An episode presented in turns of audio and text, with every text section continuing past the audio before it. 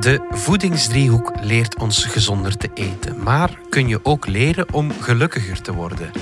Dat is alvast wat de geluksdriehoek wil proberen. Alvast een tipje van de sluier, een beetje uit balans zijn is oké. Weet dat je ook soms gewoon geluk moet hebben. Het is woensdag 16 december. Ik ben Alexander Lippenveld en dit is de podcast van de Standaard.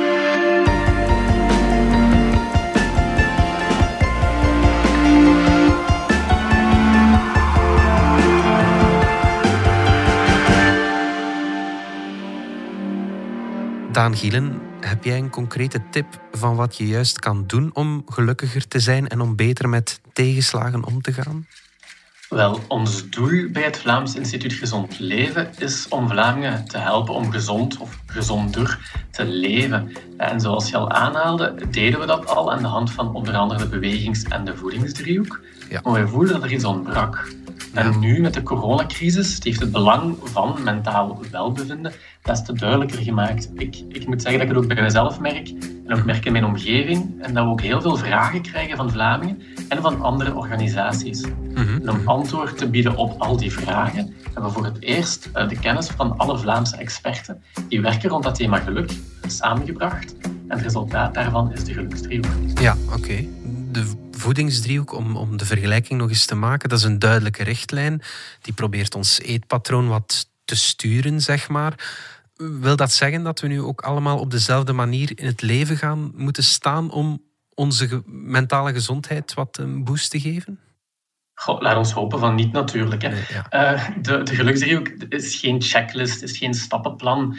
Stelt dus zeker en vast niet dit zijn dingen die je moet doen om gelukkig te zijn, of doe dit en je zal gelukkig worden. Mhm. het is, je moet het eerder zien als een kompas, een richtingaanwijzer. Ja. Dit zijn dingen die je kan doen, dit zijn dingen die belangrijk zijn als het over geluk gaat.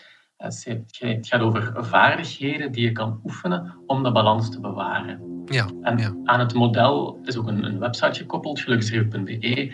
En daar vinden mensen een hele hoop, een hele hoop oefeningen, tips en tools die mensen kunnen helpen. Noteer je succes. Ken je positieve eigenschappen. Neem tijd voor jezelf. Dat geeft je meer zelfvertrouwen. Verlaag je eisen een beetje. Lijst even op waar je allemaal dankbaar voor bent. Wees wat optimistischer. Dat is echt niet zo moeilijk. Leer een praatje slaan met iemand die je niet kent. En we raden mensen eigenlijk aan om daar zelf zo'n beetje in te grasduinen en te kijken van wat werkt er voor mij wel en wat werkt er voor mij niet. Ja, dan is de hamvraag waaruit bestaat die geluksdriehoek? Ja, ik zei daarnet hè, dat we alle experten hebben samengebracht. En die experten zijn het eigenlijk er allemaal over eens dat geluk eigenlijk bestaat uit drie ruime bouwblokken, mhm. die als puzzelstukjes in elkaar klikken. Uh, nu, het is een driehoek, dus er staat eentje van boven, maar eigenlijk zijn ze alle drie even belangrijk hoor. Mhm. Uh, en bovenaan staat de blok en die heet jezelf kunnen zijn. Mhm. um, en dat gaat over weten wie je bent, weten waar je voor staat, weten waar je naartoe wilt en daar ook uh, zoveel mogelijk op inzetten. Linksonder staat er een blok en die heet Goed omringd zijn. En die gaat over je verbonden voelen met anderen. Uh, steun kunnen ervaren als het wat moeilijker gaat, maar anderzijds ook uh, steun kunnen bieden aan mensen rondom u. En dan de laatste blok heet Je goed voelen. En die gaat over het ervaren van positieve emoties, uh, gevoel van contentement, maar even goed over omgaan met die negatieve gevoelens, want die mogen er absoluut ook zijn. Ja. En, en wat een belangrijke is, je hebt dus de driehoek met de drie puzzelstukken die in elkaar klikken, maar die driehoek staat niet mooi recht. Okay. Ehm, hij, hij wordt letterlijk uit balans gebracht door een oranje bol. Ja. En die oranje bol staat eigenlijk metafoor voor tegenslagen in ons leven, voor dingen die ons uit balans kunnen brengen. Ja, Want wij stellen met dit model dat perfect geluk niet bestaat. Er is altijd wel iets dat ons uit balans kan brengen en vooral dat dat oké is. We legden ons oor eens te luisteren bij een aantal mensen in Kortrijk om te horen hoe zij geluk definiëren. Geluk zit voor mij in hele kleine dingen.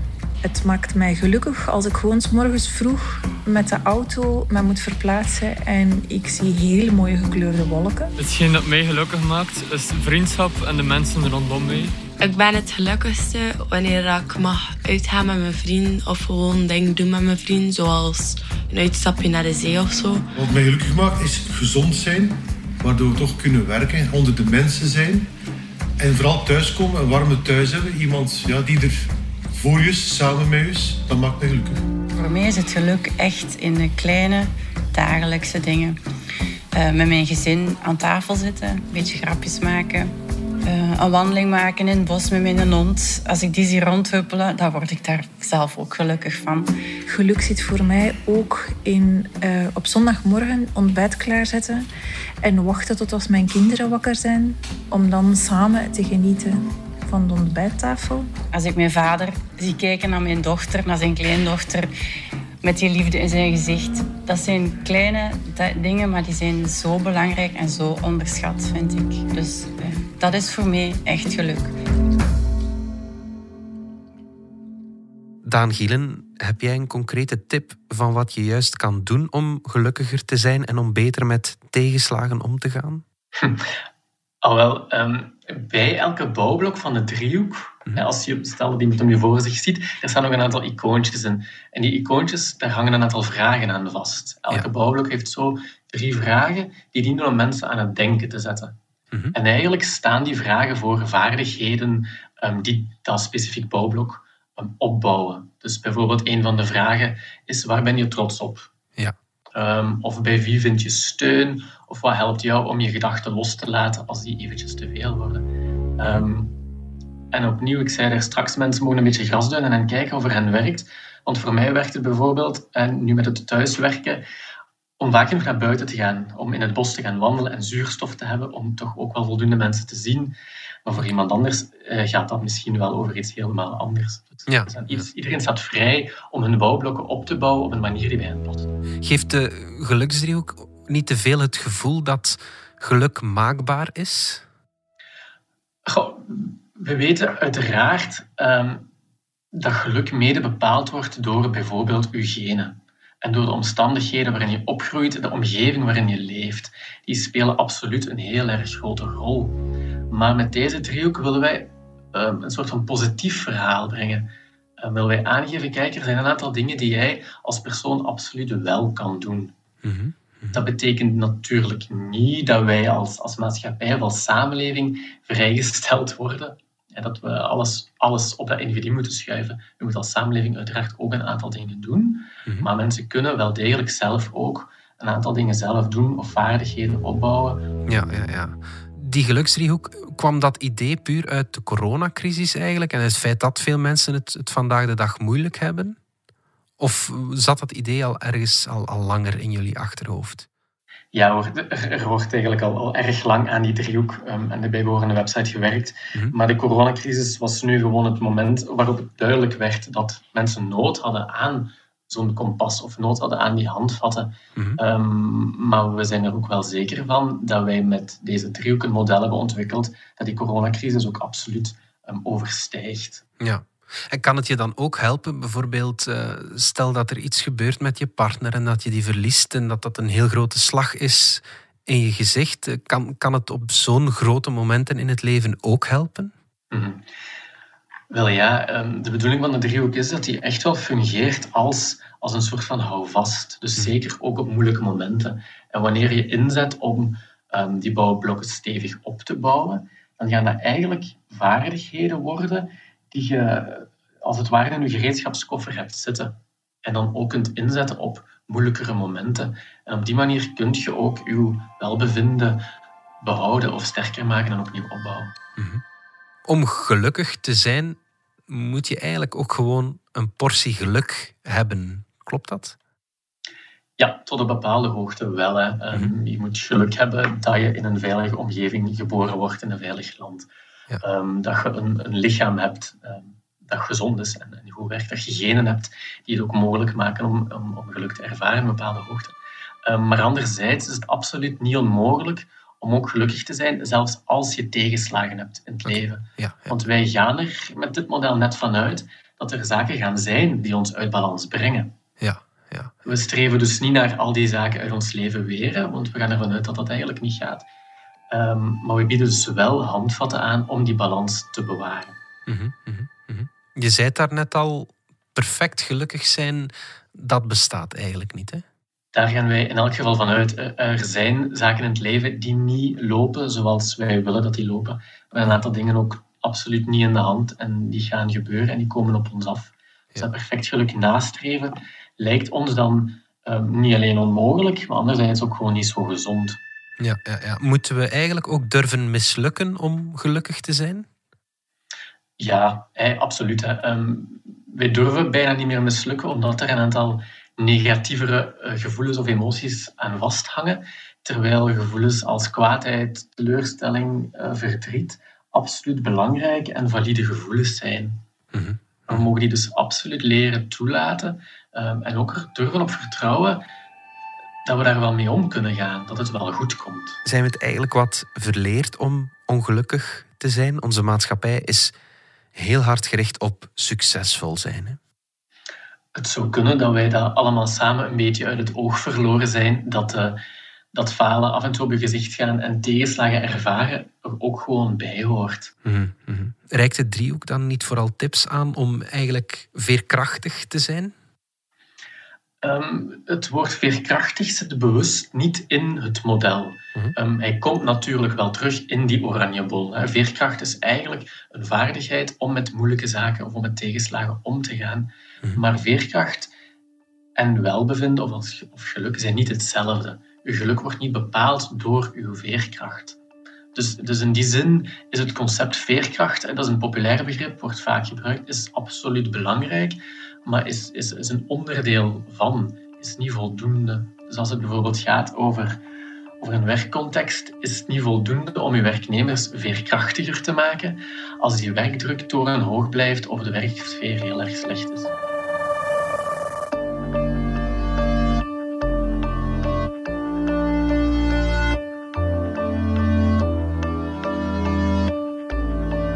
We zijn terug na de reclame. Niets is, alles wordt. Dat hadden de Grieken 2500 jaar geleden al begrepen. En dat is nog altijd zo. Vandaag wellicht meer dan ooit. Maar hoe vind je je weg in een wereld die almaar sneller verandert? Kennis is het beste kompas, weten we bij BNP Paribas Fortis. En kennis hebben we en delen we graag. Dat doen we ook in de podcast Stand van Zaken.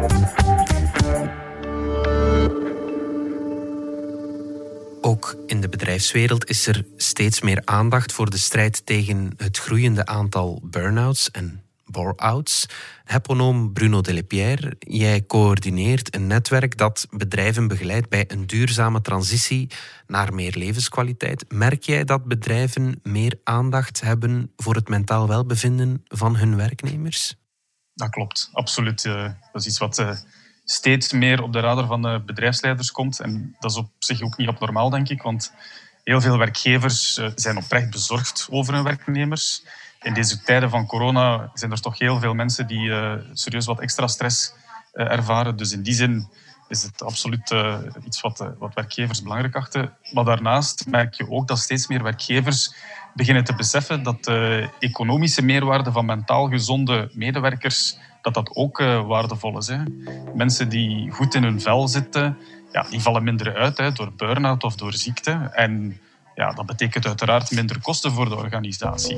Het gaat trouwens ook niet enkel alleen over kosten besparen. Het, eh, het omgekeerde, het positieve is ook uh, even waar mensen die in, flow werken, ja, die zorgen voor eh, meer tevreden klanten, die zorgen voor meer omzet en dat is uiteraard ook positief voor de organisatie.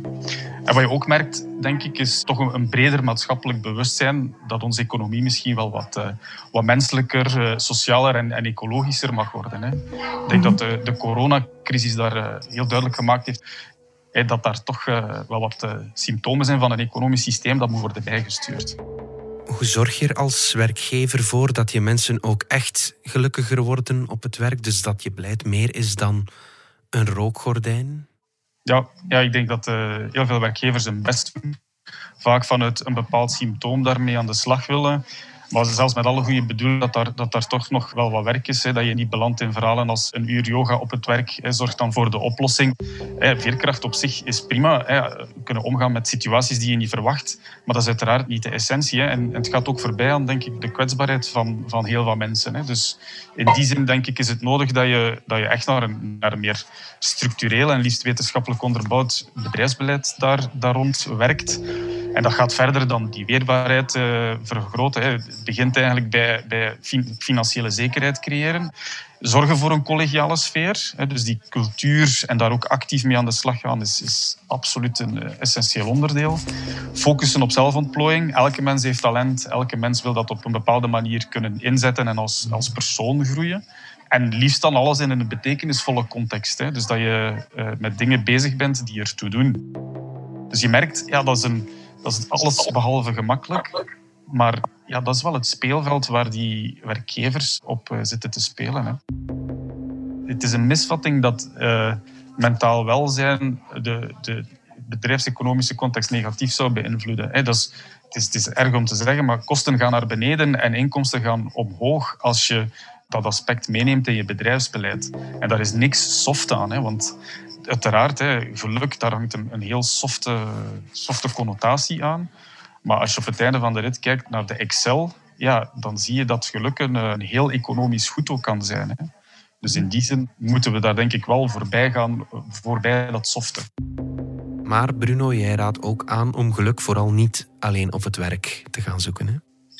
Werken kan zeker helpen om, om je levenskwaliteit eh, een duw omhoog te geven. Hè.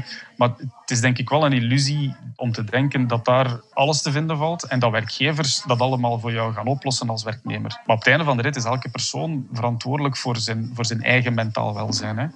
Daarom denk ik is het belangrijk dat, dat mensen ja, de zaken opentrekken en buiten dat werkkader gaan denken want het goede nieuws is, en dat is ook wat dat trouwens in de geluksdriehoek werd vermeld, is dat we veel meer impact hebben op onze levenskwaliteit dan we misschien wel denken. Een deel is maakbaar. Dus misschien een leuke eh, of zinvolle activiteit op zijn minst voor tijdens de kerst is ja, begin eens na te denken wat je echt waardevol vindt. Uh, dus lijst een keer op in je leven. Wat is er goed, wat is er minder goed? En probeer voor de dingen waar dat er misschien wat werk nog aan is, wat kleine acties te definiëren en zaken op te lijsten die je kunt aanpakken. En ik denk dat de kunst daar is om het zo klein en zo concreet mogelijk te maken dat je eigenlijk ja, de bal doet rollen. Hè. In tijden van corona is dat natuurlijk wel, wel minder makkelijk dan anders. Maar dat is daarom nog niet onmogelijk. Hè. Stel, je wil nieuwe mensen leren kennen. Ja, wat schrijf je dan in op een online bijeenkomst? Er zijn er vandaag massas die worden georganiseerd. Of um, als je iets wil bijleren, bijvoorbeeld, ja, zoek een video op uh, op YouTube uh, dat is, uh, die in 15 minuutjes je bijvoorbeeld de basis uitlegt. Hè. Dus dat soort van kleine zaken, denk ik, kunnen de komende maanden, tot we allemaal terug op een terras mogen gaan zitten, een verschil maken. Goed, we zijn hier nu aan het praten over de maakbaarheid zeg maar, van geluk. Maar sommige mensen kunnen het gewoon niet alleen, hebben nood aan professionele hulp. Alleen de wachtlijsten in de geestelijke gezondheidszorg die zijn alleen maar langer geworden. Daan Gielen, kan de geluksdriehoek ook voor hen een hulpmiddel zijn? Mm Wel, de geluksdriehoek kan ook voor hen wel degelijk een houvast bieden, maar zal voor vele mensen onvoldoende zijn. Mm En verwijzen dan wel degelijk ook door naar uh, gepaste hulp. Um, en het is zo, de wachtlijsten zijn erg lang en we kunnen dan ook enkel maar pleiten um, dat we daar ook op inzetten. We moeten inzetten op enerzijds en preventie, waar deze geluksdriehoek voor staat, maar anderzijds ook voor de behandeling van klachten. Mhm. Goed, Daan Gielen, dankjewel. Graag gedaan. Dit was de podcast van De Standaard. Bedankt voor het luisteren. Wil je reageren? Dat kan via podcast.standaard.be. Alle credits vind je op standaard.be-podcast. Morgen zijn we opnieuw. We hebben nog iets bijzonders vanaf volgende week. In België kregen vorig jaar 286 gezinnen te horen dat hun naaste een moord heeft gepleegd. Hij heeft hier heel die tijd beginnen te wenen en hij zei: Mama, ik heb dat niet gedaan, mama, ik heb dat niet gedaan. Wat nu, hè? Met ja, het een en ander geregeld te worden, natuurlijk, voor een advocaat. Iedereen ziet dat precies. Allee, dat was precies op mijn hoofd geschreven dat mijn broer dat had gedaan. Ik voel mij 100% getrouwd, hè? eigenlijk als al de uh, getrouwde personen. Maar ja, het is zo dubbel, hè? want ik, ik ben ook alleen. Met kerst uh, ben ik meestal alleen. Met nieuwjaar ook. Deze vrouwen staan alle vier op een kantelpunt in hun leven. Hoe worden zij beïnvloed door hun naasten in de gevangenis? Ik blijf bij hem, ik luister naar hem, maar ik dring precies niet door. Ben jij dan niet uitgeput dat weg door, ja. Inderdaad, ja. We hebben elkaar al zo lang niet gesproken en nu belt hij de hele tijd. Ik word daar zot van. Ik moet die niet horen, laat me gerust. Waar zit hij nu? Hoe ziet die cel daaruit? Hoe gaan ze hem daar behandelen? Dit is de podcast Mijn Kind de Moordenaar. Ik snap wel dat veel mensen, als ze zoiets meemaken, gaan schijnen. Dat je toch elkaar iets verwijt. Nu te beluisteren via je favoriete podcast-app.